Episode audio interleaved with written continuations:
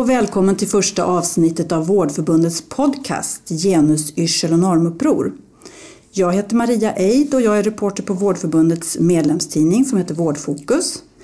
Den här podcasten har sin bakgrund i en antologi som heter Genusyrsel och normuppror och den gav Vårdförbundet ut i somras. Till varje avsnitt så kommer jag bjuda in en av författarna för ett samtal om deras kapitel i boken. Och så kommer vi bjuda in andra intressanta gäster. Två av dem är här idag. Vi ska prata om normer och hur normer påverkar vården och Vårdförbundets medlemmar. Och de två personer som är med idag för att prata om de här frågorna är Sineva Ribeiro som Hej. är ordförande. Hej! Välkommen! Hej. Tack. Och eh, Sofia B Karlsson som är sociolog och normkritisk konsult. Hej, hej. Hej, kul att ha er här. Då skulle jag vilja fråga dig, Sineva. Vårdförbundet har ju drivit kampen för högre lön eh, ända sedan Vårdförbundet eh, bildades på 70-talet. Så det är ingen ny kamp, men för ett par år sedan så beslöt kongressen att genusfrågan skulle vara ett prioriterat område. Varför då nu? Det har många aspekter som jag ser det. Både att vi jobbar i en vård som vi ska, vara, som vi ska ge jämlik till alla och där vi själva har att jobba med våra egna normer. Alltså hur hanterar jag en patient som har ett annat namn? Mm. Förväntar mig att det ska vara en kvinna och så är det en man. Alltså, hur, hur, hur gör jag för att ge jämlik vård utifrån professionen? Det andra är att vi känner fortfarande att utifrån att det är ett kvinnodominerat yrke eh, där nästan 90 procent är kvinnor så är det också så att vi har en värdering i vården som innebär att kvinnoyrket värderas lägre och där det finns en kamp och har funnits länge om att det inte är ett kall längre. Det är inte fult att ta betalt för ett yrke och en profession och en kunskap man har. Och de där två delarna hänger lite ihop, för vi har en, en tendens att tro att jag ger god vård oavsett vad jag, vad jag har för norm. Mm. Och så är det inte, det visar alla undersökningar. Alltså bemötandet är faktiskt det som patienter går till patientnämnd mest med. Mm. Det är hur vi bemöter i vården. Och det andra är hur vi själva är värderade. Och den där frågan är ju jätteviktig för våra medlemmar. Mm. Och för att sätta fokus just på genusfrågan så startar ju faktiskt Vårdförbundet ett projekt, ett genusprojekt. Och den här antologin som förbundet har givit ut är en del av det. Och eh, då kan jag för övrigt säga att första upplagan tog snabbt slut så intresset verkar vara stort bland medlemmarna. Absolut. Det är roligt. Mm. Sofia, du är sociolog och du kallar dig också för normkritisk konsult. Vad gör nu en sådan? ja, eh, jag började väl som någon slags genuskonsult och sen har jag jobbat vidare med olika typer av, av normer kopplade till varandra inom olika eh, sektorer kan man säga. Jag har jobbat i idrottsföreningar och i fackförbund nu här, till exempel med Vårdförbundet. Eh, tillsammans med högskolor har vi eh, diskuterat och utforskat hur de egna normerna i de här olika miljöerna påverkar arbetsmiljön och det som kommer ut oavsett om det är vård eller utbildning eller om det är fotboll eller vad det är. Mm. Om vi backar bandet lite grann och börjar med för normer, det kan låta så självklart, ja, normer har vi omkring oss hela tiden, alla vet vi vad normer är, men mm. hur skulle du förklara vad normer egentligen är? Ja, då skulle jag förklara det som att det är oskrivna regler som vi alla förhåller oss till. Eh, ramar för eh, hur vi värderar och bemöter andra människor. Eh, eh, och i det så handlar det också om att makt fördelas ut efter det. Har man, eller står man eller befinner man sig inom normen så kanske man har lättare att ta utrymme och få makt och lättare också att, att vara självklar i olika sammanhang. Och normerna ser ju olika ut om man är på en fotbollsmatch eller om man är i Vårdförbundet i några olika miljöer som jag bland annat har mm. befunnit mig i. De är ganska olika. Eh, och där är det olika personer kanske som står närmare eller långt bort normen om man jämför med här då. Blir normerna tydliga först när man bryter mot dem kanske? Kan det vara så? Det kan det vara. Någon som eh, inte om man säger, behöver tänka på det eller har, ähm, har liksom utsätts för att avvika från normen har ju kanske inte samma anledning eller samma behov av att, att tänka på normen som någon som varje dag får frågan, men var kommer du ifrån egentligen? Eller eh, varför, vem är din partner? Och funderar man mm. på hur man ska göra och komma ut eller inte eller sådär. Så den som förhåller sig till normer hela tiden, oavsett om det är i raka frågor eller om det bara är i känslan av att eh, inte passa in, har ju varje dag en anledning att tänka på det. Du Sineva, var kommer du ifrån? Du har ju förut berättat om att du kan få sådana frågor och du har berättat om att norm, normerna som du ser omkring dig i vårt samhälle och vår kultur idag, att du ibland krockar med dem. Vad, vad, kan inte ens accepteras att, att jag har ett annat namn. Jag tror att det är den normen. Mm. Att eh, normen av att ha ett svenskt namn och vad är att vara svensk, den bryter jag mot varje dag kan jag säga. Det gjorde jag även idag när jag var på socialdepartementet. Att på något sätt våga prata Fast vi är ett kvinnoyrke, bara det, vi ska vara snälla och tydliga och inte märkas och synas för mycket, där jag gärna tar plats och gärna ställer frågor som jag inte förstår. Skulle aldrig vara med på ett möte där jag går därifrån och behöver fråga någon annan, vad var det egentligen vi beslöt? Utan då ställer jag frågan där inne. Men även normen kring var jag kommer ifrån, där jag brukar säga från Göteborg. Ja, men var någonstans från Strömstad? Ja, men mina föräldrar kommer från Portugal om det är det du vill fråga efter. För oftast är det ju det de är ute efter. Men även normen kring att alla ska klara 150 procent. Jag har exemplet från när min son skulle börja på dagis, där jag blev uppringd. Det finns en plats. Men i det, i, det, i det dagiset där din son ska få gå, går det tre handikappade barn. Två med Downs syndrom, en med CP, är det okej för dig? Och då var mitt svar, ja, han kommer att möta sådana människor hela livet. Och idag har jag en son som tycker inte alls att det är konstigt. Alltså någonstans bygger vi ett samhälle med normer som man inte alltid förstår. Och utifrån att jag möts av det varje dag så tänker jag alltid på det. Så ibland svarar jag av ren för att få den andra personen att tänka på vad var det för fråga du ställde nu? Och ibland säger jag, hörs inte det att jag är från Göteborg? För det brukar folk säga att det hörs. Så att på något sätt så tror jag att Även i vården så möter vi det. Alltså jag pratade med en barnmorska ganska nyligen som, som fick in en partner och som säger, ja vad är pappan? Nej, det är mamma till. Och hon blir helt ställd. För vi är inte vana vid det. Det är inte normen. Och hon sa, det tog mig några sekunder men jag kom mig själv på att ja, det är klart, det är klart hon ska komma med in. Vilket vi har väldigt svårt med. Och vi har en egen norm. Jag vet ju att Sofia gjorde ju våra norm. Vad är en vårdförbundsmedlem? Hur ser den Just det, ut? precis. Och den ser ut som vi andra gör. Alltså, Vi ska återkomma till Ja, vad du, vad du fann när du träffade Vårdförbundets medlemmar och anställda. Men jag vill bara en sak som jag blir lite nyfiken på att höra när du får, Sineva, eh, när du är på Socialstyrelsen och så får, eh, känner du, ja du är kvinna, du tar plats, du frågar, du gör dig bred. Eh, Känner du att påverkar det dig, omgivningens tanke om att, att nej, det här, så här ska inte du vara, eller? Eh, nej, det triggar mig skulle jag vilja Ja, säga. Att det. jag kan ställa frågor eller jag svarar på ett sådant sätt som jag tycker får andra människor att tänka. Det här handslaget som är så tydligt, vilket jag är väldigt ovan vid. Alltså jag kramar gärna folk och jag ger dem gärna en klapp. Tar i folk. Alltså, och då säger jag det, nej men gud vi ska väl inte ta i hand, vi ger varandra en kram. Det var ett tag sedan vi träffades. Och på något sätt så tror jag också att det har påverkat våra ungdomar. Jag märker mer och mer att de kramas mer, de tar på varandra, de går hand i hand fast de egentligen inte har något, någon annan uppsåt än att vara nära. Och jag tror att det, om vi ska påverka de normer som finns, så är det det enda sättet. Att få den andra personen som reagerar på hur jag hanterar situationen att tänka ett varv till. Och, och, och komma på sig själv hur jag reagerar mot normer.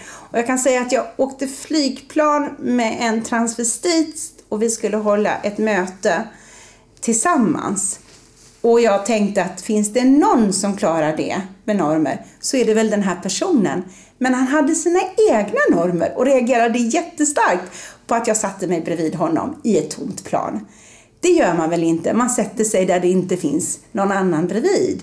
Men efteråt, när jag hade gjort handslaget och sagt vi ska på samma möte, så förstod han varför jag hade gjort det jag hade gjort. Och då fick vi en diskussion om Då det. var inte normbrottet lika starkt? Nej, eller? det var det inte. Nej. Och jag tror att man behöver på något sätt själv komma på sig själv med att det är det här jag behöver göra. Mm. Och jag har liksom insett det tror jag. Jag tror, får jag flika in? Ja, Jag tänker just på det här med att ställa nya frågor är nog en väldigt bra grej. För det, ofta har man ju svaren själv fast man inte har fått frågan någon gång. Så i mitt eh, uppdrag som jag har haft här och på andra ställen så brukar jag tänka att det kanske handlar om att ställa den där nya frågan som du också gör. Eller eh, ställa liksom saker på sin spets lite grann. Så kommer man ofta själv fram till svaren. Så att ställa nya frågor istället för att ge svaren brukar vara ett ett upplägg som funkar i det här ämnet. Men vad fann du då som normkritisk konsult när du träffade, för du träffade både, både medlemmar och anställda i Vårdförbundet Just det. och stötte på normen som är den förhärskande här, eller finns det en förhärskande norm här kanske man inte kan säga. Eller vad fann du? Eh, vi gjorde en enkät bland annat, många chefsmedlemmar svarade på den eh, just utifrån att titta på hur man värderar kunskapen om normer för personal och andra. Ehm, och de flesta chefer såg ju vikten av att just ha, eh, förhålla sig till normer på olika sätt i sitt bemötande med patienter. Ehm, och jag tror att det vore bra om det också kunde synas till exempel i lönekuvert eller vid rekryteringar att den här kompetensen uppskattas så mycket för att just värdera den som en, en del i vår, vårt sätt att liksom förhålla, sig, förhålla oss respektfullt till patienter och så vidare. Och det var väl ett, eh, jag var också ute och tittade på en vårdcentral eh, där, hur de jobbade med de här frågorna. Det var också väldigt många, eh, den personalen, det var väldigt mycket mångfald i den gruppen så att säga. Och det påverkar ju såklart hur man ser på saker eftersom där kommer ju frågor upp från olika håll och på olika sätt. Beroende på, dels beroende på att de var många olika personer men främst att de hade skaffat sig kunskap i ämnet. För bara en representation av olika människor betyder ju inte att man per definition kan frågor om normer och kan driva frågor om jämställdhet för att man är kvinna eller sådär som det felaktigt antas ibland. Men blev normer och brott mot normer tydligare där på den vårdcentralen för att det var så många olika sätt att vara och så många ursprung? Och... Alltså jag har svårt att jämföra med andra mm. men jag tänker att det i alla fall var väldigt tydligt att de hade nytta av de olika sätten de såg på saker, olika erfarenheter de hade med sig och kunde ställa just olika frågor till varandra. Hur tänkte du nu? Nu, tog, nu antog du någonting om någon här som inte var precis så som du trodde. Just för att kanske ens eget bagage ser helt annat ut. Så det var intressant att titta på. Bland annat handlar det om att personer av religiös övertygelse eller andra inte ville sitta i samma rum som andra kön när de till exempel skulle vänta på att ta blodprov och sådär. Så hade de delat upp väntrummet det var en grej. Och eh, i vanliga fall så brukar inte jag förespråka liksom just här att dela upp kön och så vidare kanske. Men, eh, men just för att, och då får man ju ställa saker, eh, inte mot varandra men bredvid varandra kanske. Att det finns olika behov och försöka eh, anpassa sig till dem så väl det går. Och mm. inte utgå bara från sig själv. Mm. Men du har, inte, du har inte i ditt arbete med Vårdförbundet funnit den vårdförbundsnormen? Eh, jo, den tittade vi också på. Mm. Vi lät ju de olika eh, lokalavdelningarna så titta på sin egen norm och även förbundsstyrelsen fick göra det. Och då var det ju främst en vit heterosexuell eh, medelklasskvinna som hade barn och var gift. Och några trodde att hon bodde i Bromma också, det kanske var lite snävt. Men eh, det var i alla fall en väldigt tydlig bild av att det var den här gruppen kvinnor i medelåldern som var gifta heterosexuella vita och det präglar ju såklart eh, normen för vad man pratar om, vilka samtalsämnen som kommer upp, hur man bemöter andra utifrån sin egen erfarenhet av, av livet i stort sett.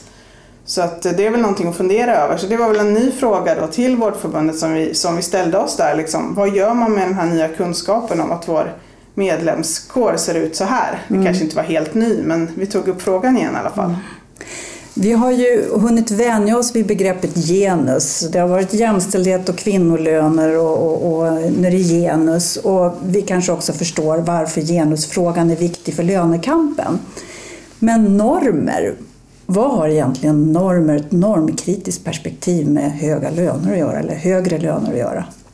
Men normer sätter ju en värdering av ett yrke till exempel och det är väl det som vi påverkas. Alltså det sätter värderingen på kunskapen som vi vill ha bort. Och det finns fortfarande en norm som lever kvar kring Florence Nightingale och kallet. Och det är klart att det är tysta unga kvinnor som gör som vi vill att de ska göra. Alltså någonstans så finns det en norm i samhället som påverkar värderingar och den kunskap som våra yrkesgrupper har.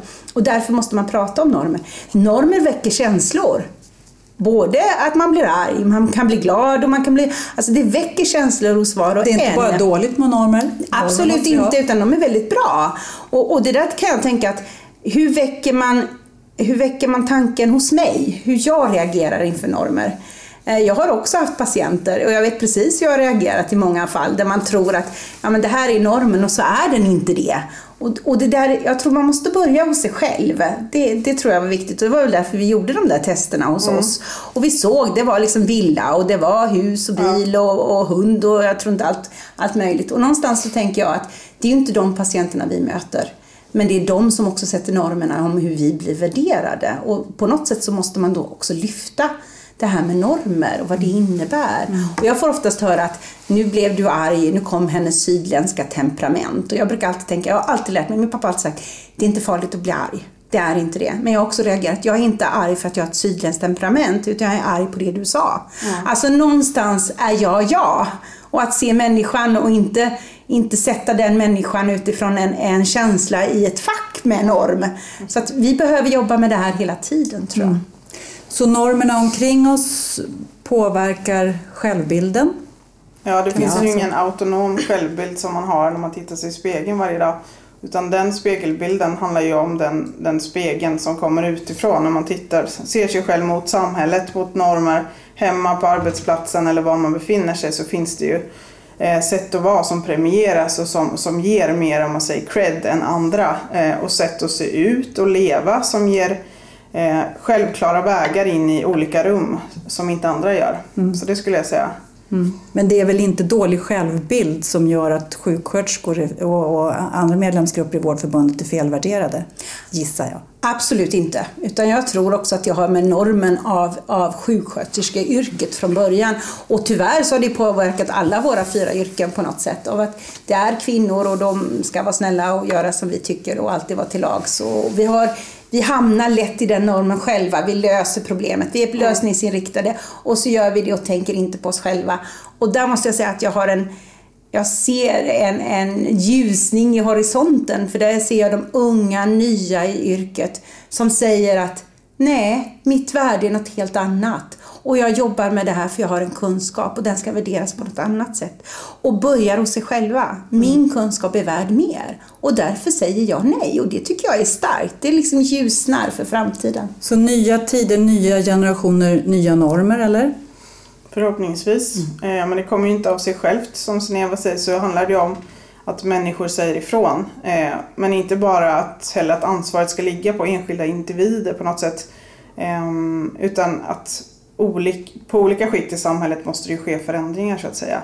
Men det som har skett i Vårdförbundet nu med alla de härliga liksom, personer som har sagt ifrån och startat uppror och så här, det är ju också där en sten kommer i rullning och det är ju inte bara förändringar sker ju inte av sig själva som sagt utan det måste hända på olika eh, ställen samtidigt tror jag för att det ska bli en reell förändring. Mm.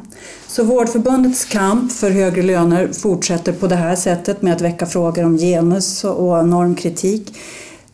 Det finns ju en motpart också.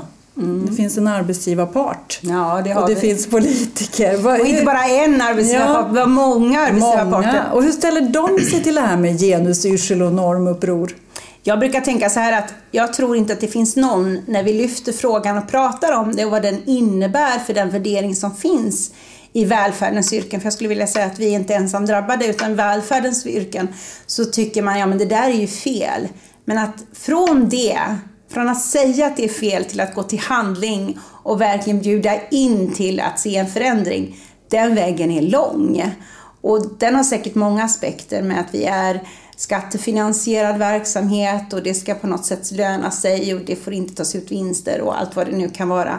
Och, och, och skattebetalaren, precis som vi själva är, har en, ska ha möjlighet att se vart går de pengarna. Alltså får jag mer vård för de pengarna så ska jag, vill jag ju ha det och då är det inte lönen som värderas eller villkor, villkoren överhuvudtaget. Men någonstans så känner jag att det har hänt någonting även i politiken. Alltså från att ha varit ett ganska jämställt land i Europa där kvinnor får en möjlighet att komma upp i höga positioner så har Sverige backat. Och att, att sätta det på kartan tror jag är jätteviktigt. Och inte bara utifrån välfärd, utan i alla rum. Men betyder det att, att eh, framgången på de här områdena, så att säga, när, när Vårdförbundet driver det här med, med genus, jämställdhet och så, är, det, är responsen sämre från motparten idag än vad den var för några år sedan? Nej, det tror jag inte. Men jag tror att vi under några år har tyckt att det har varit bra och då jobbar vi inte med frågan. Och jag tror det är precis som Sofia säger, den måste vi jobba med hela tiden och vi våga visa på hela tiden. Jag hörde igår Ja, men ni säger ganska mycket om att det just nu är dåligt i vården och säger ja, det är klart att vi gör det ligger också i vår legitimation och i kunskapsvärdet att göra det, att säga när något inte är bra, för det är det vi har fått i samhällsuppdraget. Men samtidigt så är det viktigt för oss att också visa på hur man skulle kunna göra det annorlunda om vi finns i de slutna rummen där vi inte alltid kommer in som kvinnor. Och även om man säger, ja men vi jobbar mer och mer, det är bara att titta på hur ser det ut i riksdagen? Hur många kvinnor har vi där? Hur många sitter i regeringen? Alltså, det blir väl fler och någonstans så tror jag att inte prata om det och väcka tankarna. Varför ser det ut som det gör? Mm. Hur jobbar vi med frågan? Där har politiker ett jätteansvar. Så vad är nästa steg då? Nu, nu, nu har det här projektet pågått något år. Mm. Eh, ja, vad, vad händer härnäst? Alltså vi har ett mål och som förbundsstyrelsen har satt upp att genusfrågan ska upp på val som en valfråga och jämställdhet är en viktig valfråga. Och där kan jag säga, blev jag väldigt glad åt att vi i TCO satte det som en av prioriteterna inför valåren nästa år. För vi behöver göra det gemensamt. Vi klarar inte det här helt själva. Även om vi jobbar på så behöver vi vara fler som jobbar med samma fråga och där finns det en vilja. Och jag tror också att politiken, alltså när vi möter politiker så det är inte så att de säger att nej, den här frågan ska vi inte jobba med, utan det är klart att den frågan är viktig. Men, det är sen, inte bara läpparnas bekännelse? Nej, nej, det tycker inte jag. Eh, sen är det lätt att säga att det måste vara någon annan som tar i det. Och det där någon annan, den, den vill jag ha bort. Alltså alla som sitter i en ledande position i vården måste jobba med normer och med välfärden och med kvinnor och jämställda frågor. Man kan inte låta det åt någon annan, utan det är upp till var och en. Okej. Då eh, tycker jag vi säger tack till Sineva och till Sofia. Tack för ett intressant samtal. Antologin Genusyrsel och normuppror tar upp flera aspekter av normer och i kommande avsnitt av den här podcasten så tar vi upp då flera av dem, bland annat självförtroende och mansrollen. Det blir fyra avsnitt till och nästa kommer i slutet av november och då ska det handla om chefsrollen och ledarskap. Tack för idag! Du har hört del 1 av podden Genusyrsel och normuppror från Vårdförbundet. För mer information om podcasten och kommande avsnitt, gå in på vardförbundet.se genuspodden.